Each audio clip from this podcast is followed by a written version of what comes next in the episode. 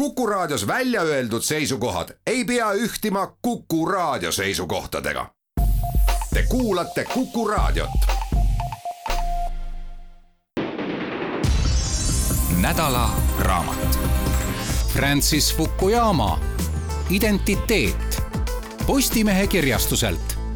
head Kuku kuulajad, Kuku selle nädala raamatuks oleme tutvustada võtnud Francis Fukuyama raamatu Identiteet see on Postimehe kirjastuse poolt sel aastal välja antud ja selle tõlkijaks on Erkki Pahovski, hea kolleeg, kes äh, on ka meil stuudios sel nädalal külas sellest raamatust aimu saamas. mina olen saatejuht Marek Strandberg ja kui võtta tema äh, Francis Fukuyama, kes on viiekümne teisel aastal, tuhande üheksasaja viiekümne teisel aastal sündinud politoloog, filosoof ja kes kõike veel, siis tema eelmine, ütleme, raamatute paar, millest viimane tuntud ka Eestis, äh, nimega Ajaloo lõpp, on see uus raamat oluliselt laiema käsitlusega ja kas me võime öelda, et Fukuyama püüab sellega teha nagu oma eelmise raamatu vigade parandust? Mõnes mõttes küll jah, et, et ta tegelikult ju ka seal polemiseerib iseendaga ja üritab vastata küsimusele, miks siis see ajaloo lõpp äh, valeks osutub, ta küll meenutab, et et see ajaloo lõpp, et see oli küsimärgiga ja nii edasi, aga noh, loomulikult äh, Fukuyama ju tegelikult äh, populaarsus tuleneski ju sellest, et see ajaloo lõpp oli kirjutatud kindlal ajal, külma sõja lõpu ajal ja, ja noh, siis olid väga populaarsed need teooriad ajaloo lõpp, ja, ja, ja nii edasi, no oli ju Eestis ka neid, kes nagu seda kuulutasid, aga aga tegelikult ma arvan, et Eestis oli seda ikkagi suhteliselt vähe, sellist eufooriat, et arvestades meie naabrit ja, ja, ja ja eriti praegu, eks ole, mis me näeme, et see ajaloo lõpp ei ole sugugi niimoodi, aga, aga tagasi tulles jah selle juurde, et, et Fukuyama auks peab ütlema, et ta nagu üritab ennast analüüsida ja, ja ta ei vaata mööda faktidest, et kui võtta see raamat Identiteet, siis noh, Fukuyama ei ole ikkagi ideoloog, et ta ikkagi üritab olla poliitikateadlane ja, ja toob äh, siin identiteedis ka nendele väidetele nii poolt kui vastuargumente, nii et, äh, nii et selles mõttes jah, et võib-olla see identiteet on äh, samm edasi sellest ajaloo lõputeooriast. meenutame seda ajaloo lõputeooriat, sellepärast et ega sellest ju tõukub paljuski ka Fukuyama seesama identiteediraamat Väärikuse nõudmine ja kibestumise poliitika ja see on nimelt mida ta kritiseeris väga tugevalt ajaloo lõpus ja muide ka kõneles sellest veel kahe tuhande esimesel või teisel aastal, kui ta isegi ka Eestis käis loengut pidamas. ja no mina tegin isegi siis, kui ta Eestis käis, mul, mul oli võimalus teha temaga väike intervjuu ja, ja ma küsisin selle ajaloo lõpu kohta ja kaks tuhat üks ikkagi Venemaa ju ka pingutas muskleid, oli ju ikkagi lõppenud Tšetšeenia sõjad ja Vladimir Putin oli tulnud võimule ja noh, siis ta rääkis ikkagi umbes midagi sellist, et noh, et see Venemaa demokratiseerumine leiab nagu ikkagi mingil ajal lõpuks aset ja, ja nii edasi, no see ajaloo lõpu teooria on nagu selles mõttes erinev sellest identiteediraamatust, et et see ajaloo lõpu teooria on progressiivne, mis tähendab seda, eks ole, et ajalugu edeneb mingisuguse progressi suunas ja, ja lõpeb siis liberaalse demokraatia võiduga ja muud alternatiivi sellel ei ole, no siin, siin identiteedis ta tegelikult ju paljuski refereerib antiikfilosoofiat, mis näitab seda, et need mingisugused põhiväärtused, need põhimomendid ei muutu äh, inimkonna ajaloo jooksul ja no ütlen vahele, et mitte ainult ei refereerida Sokratest või Aristotelest või ka Platonit, aga ta refereerib väga ohtralt ka piiblit ja Jumal on üks sagedamini esinev tegelane selles raamatus, isegi rohkem kui näiteks äh, moodsa majanduspsühholoogia alusepanija Daniel Kahnemann jaa, no seal ta tegelikult kritiseeribki moodsat majandusteooriat, aga, aga tõepoolest noh, et siin ta tegelikult võib-olla mõnes mõttes, ma mõtlen siis identiteedis, ta võib-olla natuke isegi hülgab selle progressi, progressiivsena ajalooteooria, et et noh, tuleb ka meenutada, et see selles progressiivses ajalooteoorias või ajaloo lõputeoorias, nagu ta ise ka siin ja ka ajaloo lõpus ju viitab, ei ole, selles ei ole midagi uut, et ta viitab Heegelile kes ju tegelikult kuulutas selle ajaloo lõpu juba välja tuhat kaheksasada kuus, kui Napoleon, kes oli võitnud Jena lahingu, siis ratsutas sisse Heegeli kodulinna, mis oligi Jena ja, ja noh, nähes seda ja, ja tajudes Napoleoni võidu nii-öelda ülimuslikkust, siis Heegel tuligi välja selle ajaloo lõputeooriaga ja noh, siis Fukuyama võtab selle üle noh, ajal siis, mil külm sõda lõppes siis läänemaailma võiduga. Muidugi Napoleoni käsitlus on Fukuyamal ka selline omapärane, et ta käsitleb ka selles identiteediraamatus Napoleoni ennekõike kui revolutsiooni ideid hüljanud inimest noh, pööramata siis väga põhjalikku tähelepanu tema õiguskoodeksitele, mis iseenesest on ju jätkuvalt meie moodsa maailma aluseks, noh ilmselt ka väga paljuski küll mitte tavaõigusega riikides nagu Ameerika Ühendriigid ja, ja Inglismaa, aga küll Mandri-Euroopas. ja noh, kahtlemata Napoleon oli nii vastuoluline isiksus ajaloos, et teda on raske mingitesse raamidesse suruda, noh tõepoolest ju saab rääkida Napoleoni koodeksist ja on ka arvatud, et see ju Napoleoni koodeksi jõudmine Preisimaale ja, ja, ja nii edasi, et see võis mõjutada ka seda, et Eestimaal ja Liivimaal äh, kaotati pärisorjus varem kui Venemaa sisekubermangudes, noh see on omaette teema, aga aga noh, kindlasti Napoleon on ju midagi ja ta samal ajal tõesti, Napoleon lasi ennast keisriks kuulutada, aga ta nagu siis tõesti tõi need nii-öelda tsiviilriigi ideed ju ka ülejäänud Euroopasse, nii et noh, selline nagu vastuoluline tegelane aga, aga Napoleon noh, tõepoolest eh, on ju ka midagi sellist, millele Fukuyama viitab siin identiteedist, kui ta räägib siis megalotüümiast ehk siis nii-öelda ülimuslikkuse vajadusest, et inimene tahab mõnikord nii-öelda tunda ennast ülimuslikuna teiste inimestega võrreldes ja noh, Napoleon on sellest muidugi ere näide no kes ka ei oleks, kui me vaatame naaberriigigi juhti või ükskõik millist diktaatorit, siis see sisemine ego või väärikuse vajalikkuse Äh, tunnustamine, mis inimestes tavaliselt olemas on ja millest Fukuyama väga palju kõneleb, mõnedel puhkudel lööb väga õitsele ja ajab oma vilju, mis ei ole üldsegi mitte meeldiva maitsega. nojah, siin on, äh, tuleb ju meelde ja millest ka räägib Fukuyama, et äh, tuleb meelde Nietzsche, eks ole, et ja tema üliinimese teooria, aga noh, probleem, millele Fukuyama ka õigesti osundab, on see, et kõik inimesed ei taha olla üliinimesed, kõik inimesed ei taha tunda ennast ülimuslikuna teistega võrreldes, et noh, et see ei ole niisama lihtne, eks ole, et on mõned väljapaistvad isiksused ajaloos, kelle osa me tunnustame või siis noh, tõesti kas kritiseerime, aga me ei saa eitada seda, et nende roll ajaloos on olnud silmapaistev, aga kõik inimesed ju selleni ei küüni, et kõik ei saa olla Napoleonid. aga sellest räägime edasi juba oma järgmises saate osas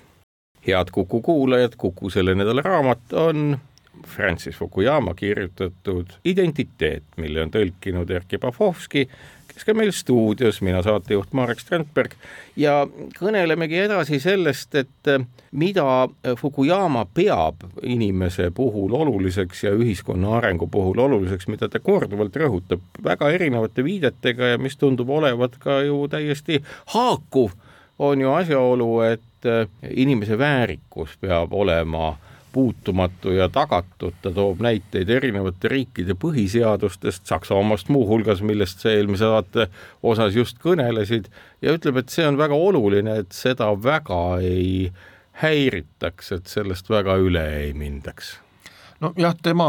Fukuyama põhitees äh, on see ja noh, siin äh, ei saa mööda ikkagi vaadata sellest progressiivsusest, et noh, et see modernne riik, noh, mis põhimõtteliselt tekkis uusajal, et äh, see ongi see nii-öelda see kogum, sotsiaalne kogum, mis siis tagab inimestele väärikuse ja noh, muidugi on see samm väärikuse kujunemisel siis selles, et et võetakse arvesse siis äh, inimeste emotsioone ja noh, teisest küljest äh, see modernne riik on siis ka laiendanud inimese mõistet äh, ennast, et seda tuleb ka meeles pidada, et et ju vanasti ju või noh, mis vanasti, aga ütleme siis uusajal ju kui tulid esimesed põhiseadused välja ja, ja tekkis modernne rahvusriik, siis ju inimeseks peeti ju valgeid omandit omavaid mehi. ja, ja kõik, kõik teised äh, noh, nendel ei olnud ju selliseid konstitutsioonilisi õigusi, ütleme naistel ei olnud valimisõigust, mida me Eesti ajaloos näiteks omand, omandita inimestel ei olnud valimisõigust, noh Tallinnas näiteks see, et eestlased said mingil ajal valida ja noh, meenutame siin kahekümnenda sajandi alguses, kus siis Päts koostöös venelastega võttis baltisakslastelt Tallinnas võimu üle, siis see ei tulnud nüüd sellest, et, et, et eestlased oleks saanud automaatselt valimisõiguse, vaid sellest, et eestlased said jõukaks ja nad said äh, piisavalt äh, omandit, äh, et valida, et valimisõigus käi-, käis kaasas siis omandiga. Ja noh, sellest kõigest siis Fukuyama raamat ju ka räägib, noh kui me Ameerika ajaloost räägime, räägime siis ju ka äh, USA kodusõda oli tingitud identiteedi küsimusest ja poliitiliste õiguste küsimusest, et ju väga palju inimesi Ameerika Ühendriikides, mustanahalised, nad olid orjad, neil polnud üldse mingeid õigusi kõige omapärasem on see, et tegelikult on see kestnud ju väga pikka aega, et ega kodusõjaga seda küsimust ju ei lahendatud, lahendati küll orjanduse küsimus aga jäi lahendamata ikkagi seesama nii-öelda identiteedi küsimus. ja Fukuyama selles mõttes on ikkagi korralik liberaal ja arukas inimene, võib nii öelda, kus ta väga selgelt ikkagi välja toob, et kogu see identiteet, mis põhineb paratamatusel, on ikkagi üks viguriga värk ja ja ei, ei religioosset ega rassilist identiteeti ei saa pidada ühelgi moel mõistlikuks jaa, aga ta räägib minu meelest äh, küllalt tasakaalustatult sellest, et noh, et kuidas see identiteedi küsimus on arenenud ja ja noh, eriti uusajal, millest siis tulenevad ju ka meie õigused ja, ja meie põhiseadus, ja noh, siin on see, et eks ole, et on kaks suunda, et ühest küljest oli nii-öelda see universaalne inimese identiteet, inimese võõrandamatud õigused, ja siis see, et see inimeste mõiste laienes ja noh, teine on siis nagu mingi kindla etnilise rühma identiteet, eks ole, ja sellel on siis oma õigus, et, et et ütleme, eestlastel on õigus olla eestlane omal maal, meie identifitseerime ennast eestlastena ja meie kui eestlase identiteet on meist nagu lahutamatut ja siis nii-öelda need kaks suunda omavahel võistlevad ja saavad kokku siis äh, tõesti riikide põhiseadustes ja ka nii-öelda inimõiguste ülddeklaratsioonis, kus on siis räägitud sellest, et inimestel on võõrandamatud õigused, aga noh, samal ajal ei eitata mingisuguste rahvusgruppide ja, ja, ja rahvusriikide õigust kehtestada omal territooriumil seadusi, et noh, seal need kaks suunda saavad kokku. siin on muidugi üks asi, noh jälle tundliku eestlasena loomulikult loed kõike seda, mis puudutab äh, natsionalismi, rahvuslust äh, ja muud sellist äh, teatava sellise hästi valvsa kõrvapilgu ja silmaga. Ja seal nagu ongi niimoodi, et ta küll räägib rahvuslikust identiteedist kui mingist pärusõigusest, aga see, mis meil on, ehk et kultuuri ja keele säilimine kui rahvuse definitsioon, seda nii-öelda näiteks nendes kriitilistes osades, mida ta kirjeldab, väga palju ma ei märganud. jaa, no ta ei pööra palju tähelepanu paraku väikestele rahvastele, tõsi küll, seal raamatus on päris palju juttu Johann Gottlieb Herderist, kes on ju ka pannud aluse nii-öelda ideoloogiliselt mõnes mõttes ju Eesti rahvuslikule ärkamisele. ja noh, ta tegelikult ju räägib Herderist seal nagu selles võtmes, et Herderit on nagu valesti mõistetud ja, ja siin ma jagan täiesti Fukuyama seisukohta, et noh, Herderit on siin peetud nagu sellise agressiivse natsionalismile kaasaaitajaks ja nii edasi, noh tegelikult, tegelikult see niimoodi ju ei ole, et Herderist said ju, Herder, kes elas ju ka Riias nii-öelda meile lähedal, ju sai alguse ikkagi see, et äh, hakati nagu tunnustama ka väikerahvaid, hakati tunnustama seda, et ka väikerahvastel võib olla oma keel ja kultuur ja nii edasi, noh kuidas nüüd seda nagu ta säilitada selles ülemaailmast üleilmastuvas maailmas, see on omaette küsimus ja sellele tõesti äh, Fukuyama tähelepanu ei pööra, aga, aga ta, ta ütleme niimoodi, et Herderist ta räägib ja, ja, ja see on kahtlemata oluline üks omapärane asi, ma arvan, et seda näidet on toodud ennemgi ja Fukuyamagi seda päris mitmetes kohtades, seesama, kuidas äh, sellesama mm,, kuidas ma ütlen, väärikusel põhineva identiteedi ülesõitmisest võivad tekkida suured muutused ühiskonnas, ta toob näite Araabia kevade protsesside käivitumisest, kus üks kaupmees, kellel polnud kauplemisluba, oli politsei poolt alandatud, ta ei näinud ametnikes mõistmist ja pani end lihtsalt lõpuks põlema ja sellest käivitusid suured muutused ja protsessid. kas me võime ja ka ju, eks ole, suhteliselt diktaatorlikult korraldatud ühiskonnas, kas see võib olla nagu märk selles suunas, et äh, mida me peaks otsima ja ootama muutuste lootuses meie naaberriigilt Venemaalt? Kus ju ka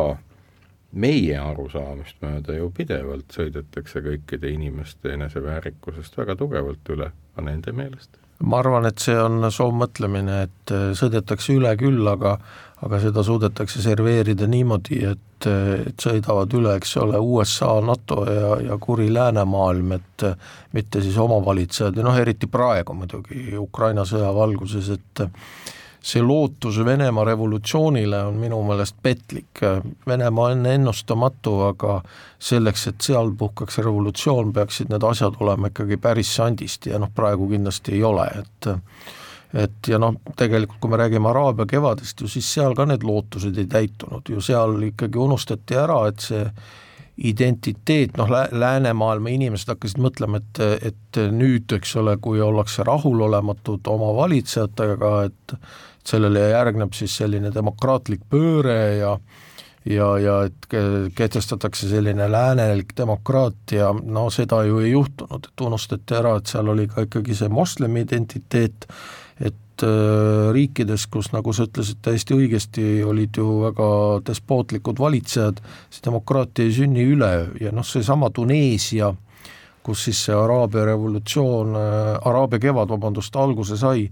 see on ju põhimõtteliselt ainuke selline edukas näide sellest, no juba nüüd räägitakse ka sellest, et võib-olla see Tuneesias ei ole ka asjad hästi, aga aga kõikides teistes äh, Araabia kevadega kokku puutunud riikides läksid ju need asjad nagu ikkagi kiiva, et noh, eriti Süürias, kus puhkes selline nagu väga-väga laastav kodusõda ja selle tõttu nii-öelda see revolutsiooni säde ei pruugi ju alati jõuda sinna, kuhu ta võiks jõuda või kuhu on loodetud, noh tuleme tagasi korra selle Napoleoni juurde, ka Prantsuse revolutsioon ju ei jõudnud ju sinna punkti, kuhu ta võib-olla oleks võinud jõuda, et et äh, Prantsuse revolutsioon hakkas tuhat seitsesada kaheksakümmend üheksa ja noh, seal oli ju nagu üks põhinõudmisi ju see, eks ole, et kõik inimesed on võrdsed ja noh, et me teeme vabariigi ja nii edasi, aga aastal tuhat kaheksasada neli siis Napoleon kuulutas ennast keisriks, et, et need, need nii-öelda lootused, ootused ei pruugi alati täituda, jah. aga sellest räägime edasi juba oma järgmises saate osas. head Kuku kuulajad, nädalaraamat Francis Fukuyama Identiteet selle tõlkija Erkki Pahovski, meil ka stuudiokülaline, mina saatejuht Marek Strandberg. räägime veel sellisest asjast, et seesama, millisel moel Fukuyama üsna nutikalt toob välja selle, et mille poolest siis sellised liberaalsed demokraatiad ja diktatuurid erinevad, noh natukene sa tegelikult puudutasid seda ka eelmises saate osas, just nimelt selles kontekstis, et kui lihtne on diktatuuril, kontrollides meediat ja meelsust,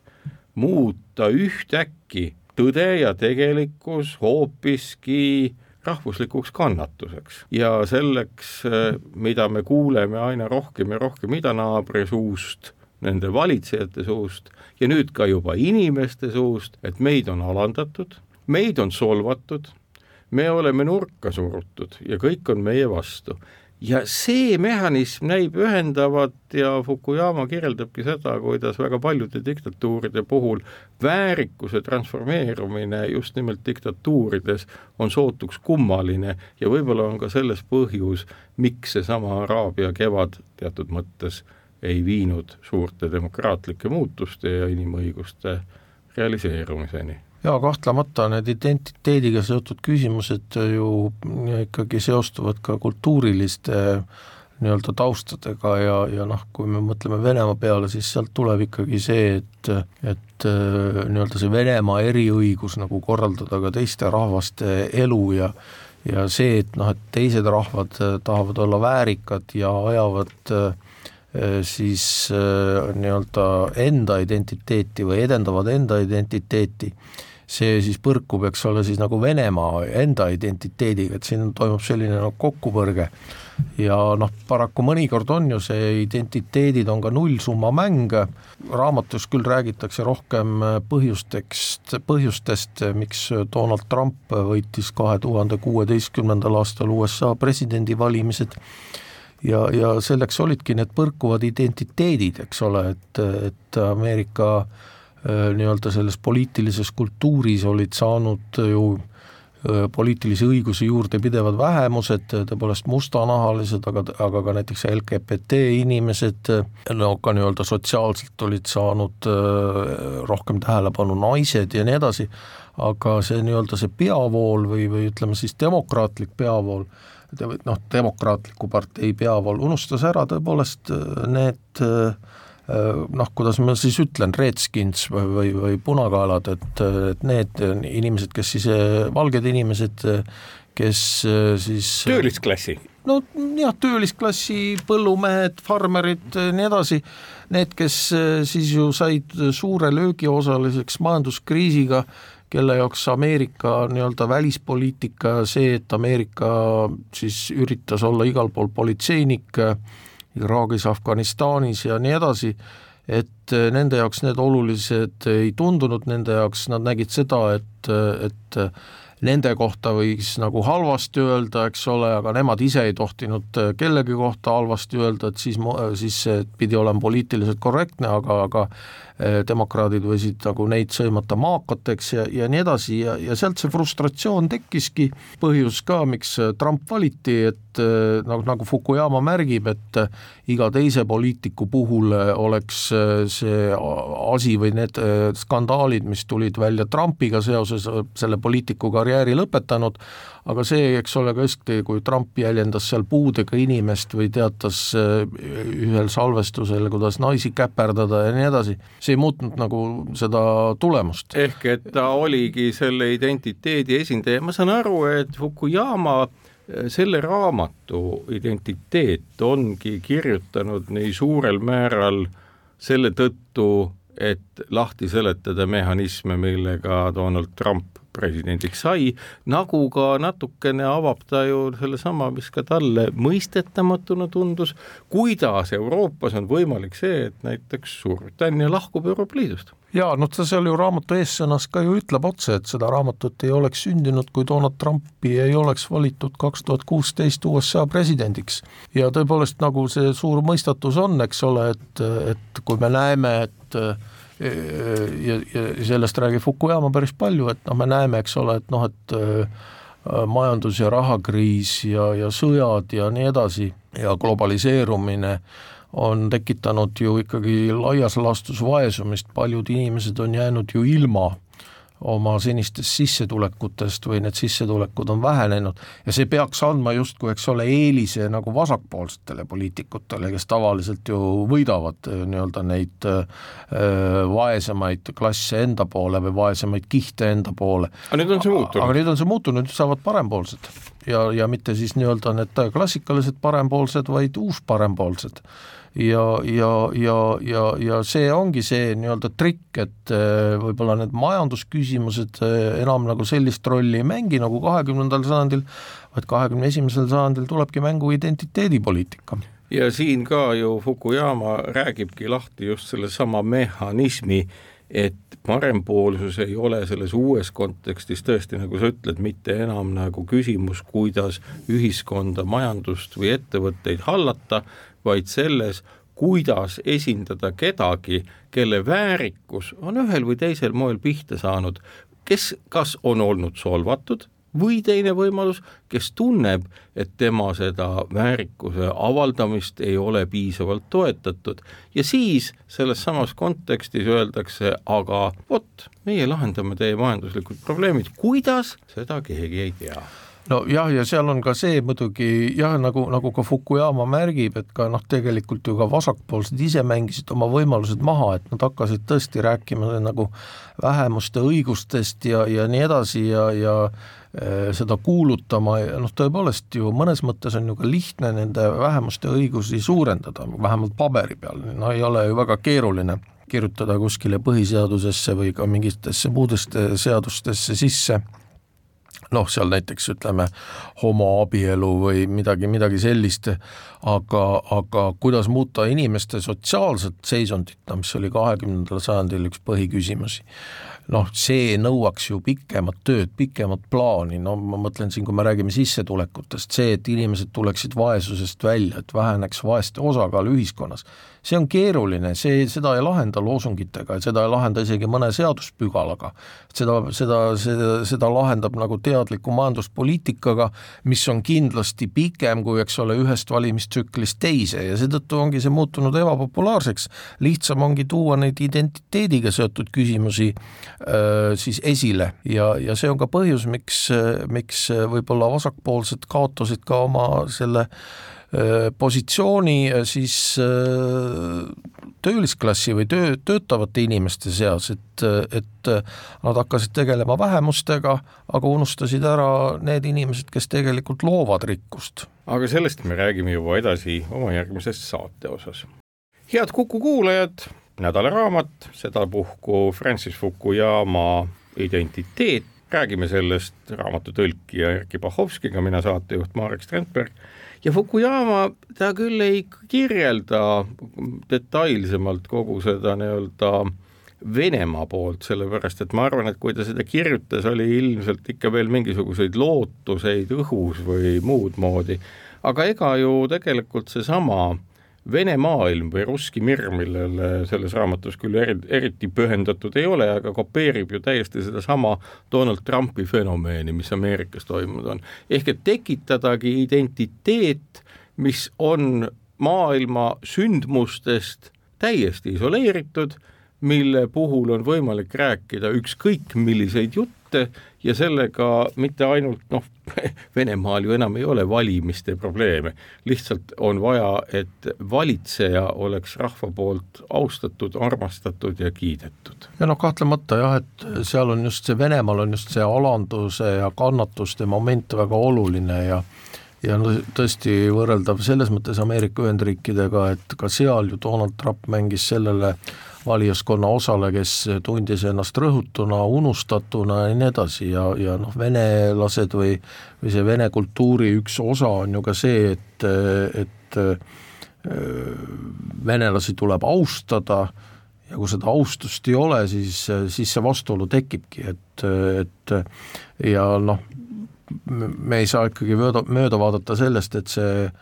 austus venelase vastu peabki tekkima lihtsalt asjaolust, et keegi on venelane, et keegi räägib vene keeles, isegi venelane kui no kui me nüüd läheme raamatu raamest välja, eks ole, siis venelane ei ole ju ka selles mõttes äh, mingisugune rassiline või ma ei oska öelda, geneetiline nähtus, ta on puhtakujuliselt keeleline ja mõttemaailma loodud virtuaalne süsteem. nojah, just, ja noh, identiteedi puhul on näiteks oluline see, mida näiteks äh, rääkis Dostojevski,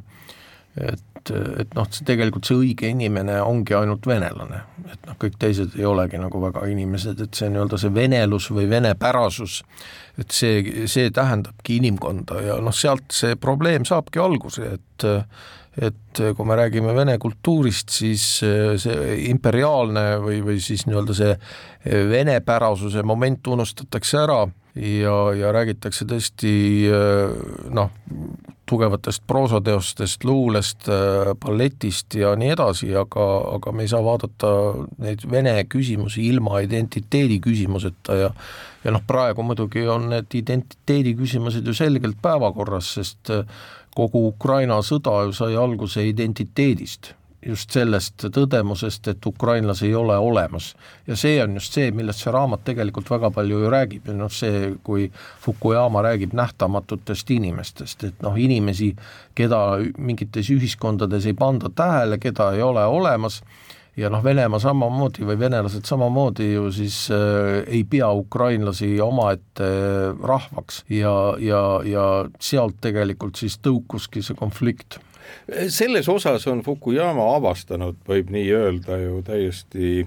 mida on ju valitsejad teadnud kogu aeg, et seesama, seesama väärikuse fenomeen, mille olemasolu ja mille puudumine võimaldab inimestele ette anda ükskõik milliseid käitumistegevus ja muid juhiseid, öelda, et teie väärikuse eest ja teie väärikuse alandamise vastu me siin kõik toimime. Ja see on inimese jaoks noh, turvalisusega praktiliselt võrduma pandud asi, mille no ma ei oska öelda, kas avastamise rolli võib anda Fukuyamale, aga igal juhul ta on üks nüüdisaja ühiskonna käsitlejatest, kes seda kõige terviklikumalt teinud on. ja noh, kahtlemata, et see, et sa oled olemas ja teadlikult olemas, see on ju väga oluline, et see inimese nii-öelda e-, enda nii-öelda olemus või see sisemine mina, millest räägib ka Fukuyama, ja noh, ta toob siin, eks ole, neid erinevaid ajaloolisi äh, arengunäiteid, kuidas siis see sisemine mina on, on arenenud äh, antiikajast kuni uusajani välja. Ja, ja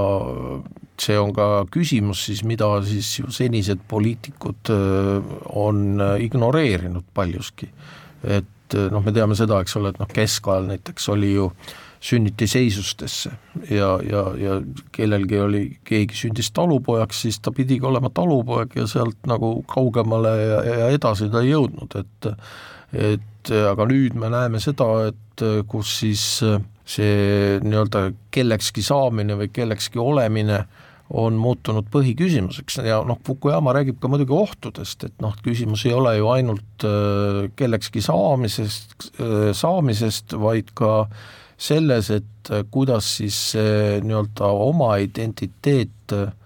sobitada ülejäänud ühiskonda ja, ja tõepoolest siin on ju ka erinevad need arenguastmed, et noh, kui me mõtleme siin näiteks mustanahalistele ja meiegi rääkisime siin sellest, et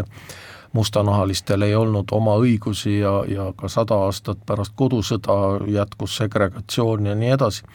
aga siis see mudel oli ikkagi nagu selline, et mustanahalised äh, tahtsid lõimuda siis valgete ühiskonnaga, ühesõnaga mängida nende reeglite järgi, mille siis valgete ühiskond oli välja mõelnud, aga et neil oleksid samasugused õigused. Nüüd me näeme seda, et kus tegelikult mustanahalised, aga võib-olla ka LGBT inimesed ja ka naised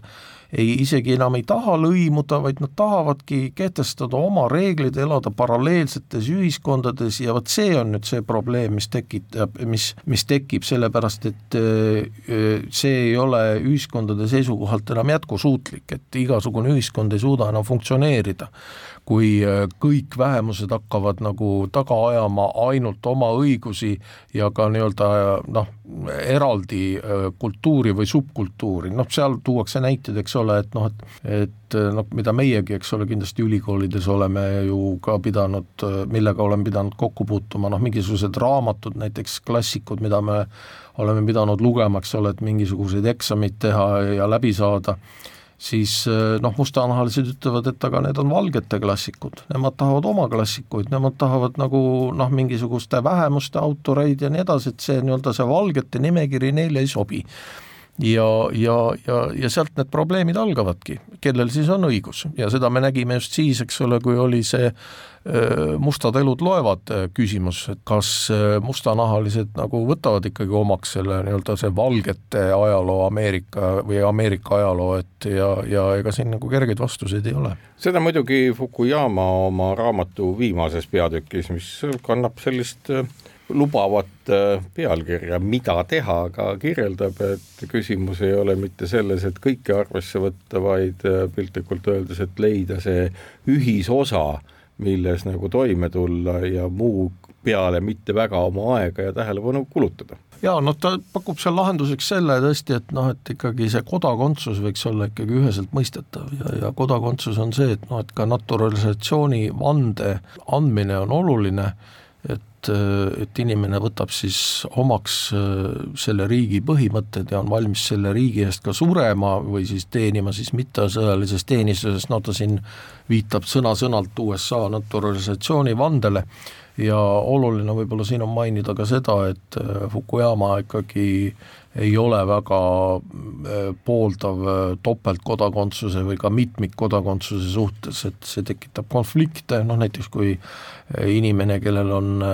erinevate riikide kodakondsus, aga mis siis juhtub, kui need riigid omavahel sõtta lähevad või, või ka selline suurem konflikt tekib, et kelle poolt see inimene on, et et selles mõttes Fukuyama sarnaneb nagu Eesti kodakondsusseadusega, et meil on ju ka tegelikult lubatud ainult üks kodakondsus. aga sellest räägime edasi oma järgmises saate osas. Head Kuku kuulajad, Kuku nädalaraamat Francis Fukuyama identiteet, väärikuse nõudmine ja kibestumise poliitika, millest see raamat ka räägib. Ja kõneleme sellest äh, Erkki Bahovskiga, kes raamatutõlkija, mina Marek Strandberg, saatejuht. Ses osas on äh, Fukuyama ju, kui me vaatame nii-öelda neid, kelle peale ta viitab öö, äh, oma raamatus, siis mind üllatas väga palju asju öö, äh, selle puhul, et ega öö, selles raamatus ei ole väga palju juttu ei nüüdisaegsest äh, majandusteadusest, ei üldse mitte millestki, ja ma mõtlesin, et millest küll see tuleneb, millest tuleneb asjaolu, et noh, näiteks paljud inimesed, kelle, kelle rolliks on olnud pigem just näidata sellist kogukondlikku mõistvat majandamist, noh olgu kas või Nobeli preemia laureaat Elinor Ostrom või äh, või tasakaalumehhanisme inimkäitumises matemaatiliselt kirjutanud John Nash, neid seal ei ole. mis on see põhjus ja siis ma taipasin, et ei, ei, et Fukuyama räägibki meile ju sellest, miks meile on selline olukord tekkinud ja ta refereerib rafineeritult just nimelt neid autoreid, neid filosoofe, neid poliitikuid, kes on, kes on tekitanud selle tema meelest nagu mõttekonstruktsioonid, mis täna meid, ütleme, ühel või teisel viisil kummalistesse konfliktidesse viivad. jaa, no ta ju tegelikult seal raamatu alguses ju viitab nendele probleemidele, mida siis kaasaegne ökonoomika mm, kaasa toob, ehk siis sellele, et, et et äh, kaasaegne mm, nii-öelda see majandusteooria räägib siis kasumi maksimeerimisest ja noh, selle, selle vajadusest, aga aga sealt ta hüppab kohe nagu inimhingele ja, ja ütleb, et noh, et inimese käitumine ei ole ju alati kasu maksimeerimine ja ja ei saa panna tõesti samale pulgale äh, mingisuguseid inimesi äh, Äh, kui me räägime kasu maksimeerimisest ja et inimesed käituvadki irratsionaalselt ja, ja seal ta siis nagu viitabki selle nii-öelda Platonile, kes siis omakorda viitab Sokratesele ja räägib hinge kolmandast osast, mis ongi selline nagu noh, ratsionaalse poolega nagu vastuolus olev, et inimene mõnikord teebki selliseid otsuseid, mis mis äh, ei ole mõistuslikud ja noh, seda siis Fukuyama arvates ka see kaasaegne majandusteooria eirab. ma ei oska seda selle pealt, selles mõttes kommenteerida kaugemale, sellepärast et äh, ega ma väga palju kaasaegset majandusteooriat ei tunne vot see oligi, no minu jaoks, ega ma nüüd ka väga palju ei tunne, aga nii palju, kui me oma teadmatuses ja asjade tundmatuses võime öelda, on see, et ega kaasaegne majandusteooria ju valdavalt sellega tegelebki, et püüab nii-öelda majanduse käsitlusse ja väga edukalt sisse tuua just neid irratsionaalseid asju. noh, piltlikult öeldes neid impulsse, mis ühel või teisel viisil on meile ju sünniga kaasa antud, ega meil ju rohkemat ei ole, kui aju oma nii-öelda veidrustes ja kõiges muus pigem on see jah, see oligi nagu täpselt seesama sissejuhatuse koht, mis mind natukene nagu kummastas, sellepärast et ega inimesed ju ei toimi majandusteooria järgi, me näeme seda, et see majandusteooria väga hästi ei toimi meie käitumise kirjeldamises, aga nii-öelda samas ei püüdle ka Fukuyama väga sinnapoole, et vaataks, mis siis on nagu see moodne majanduse kontseptsioon, mis võimaldaks uusi asju kasutusse võtta. aga see selleks. nüüd natukene me rääkisime sellest nii-öelda küsimusest, et mis teha, seal on kindlasti veel asju, mida Fukuyama välja toob ja peab oluliseks, et meil oleks, ütleme siis,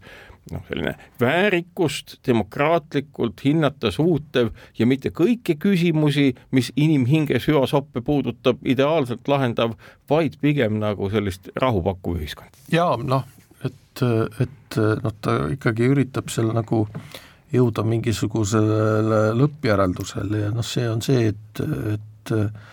me peame arvestama eri identiteetidega, aga ühiskonnad peavad koos olema, noh ta räägib näiteks sellisest nähtusest nagu vetokraatia, et mis on siis lääne ühiskondades nagu väga palju levinud ja mis võib-olla ka mõnes mõttes Eesti ühiskonnas on nagu levinud või noh, levimas, et noh, et see on siis see, et mingisugune vähemus võib blokeerida ühiskonnale olulised nagu asjad, kas siis oma mingi kampaaniaga või siis kas siis äh, poliitiku, poliitilise lobistamisega ja, ja nii edasi, no see on nüüd rohkem sinu teema, aga noh, kui ma mõtlen siin näiteks tuuleparkidele, siis äh, noh, me näeme ju seda, eks ole, või või tuumajaamale, et me näeme ju seda, et kui nüüd niipea, kui hakatakse sellest nagu rohkem rääkima, siis ju kohe ilmuvad välja mingisugused rühmad, kes ütlevad, et ei, ei, et mitte mingil juhul no mõlemat pidi ilmub kõike välja ja see on seesama asi, kus nii-öelda kõik rühmad ühtäkki üritavad maksimeerida enda kasumit ja teisendavad selle näiteks ka muuhulgas selleks, et keegi teine kasu ei saaks. nüüd, mis joonistub äh, Fukuyama kirjeldustes välja, on noh, mõnes mõttes üsna banaalne tõsiasi ju, ta ju toobki täpselt sellesama, mis osaliselt puudutab ka just suu mainitud praegu on see, et inimesele antud meie, meie keele ja kultuuriga ja, ja ma ei tea, semiosfääriga, kui väga moodne olla, öeldes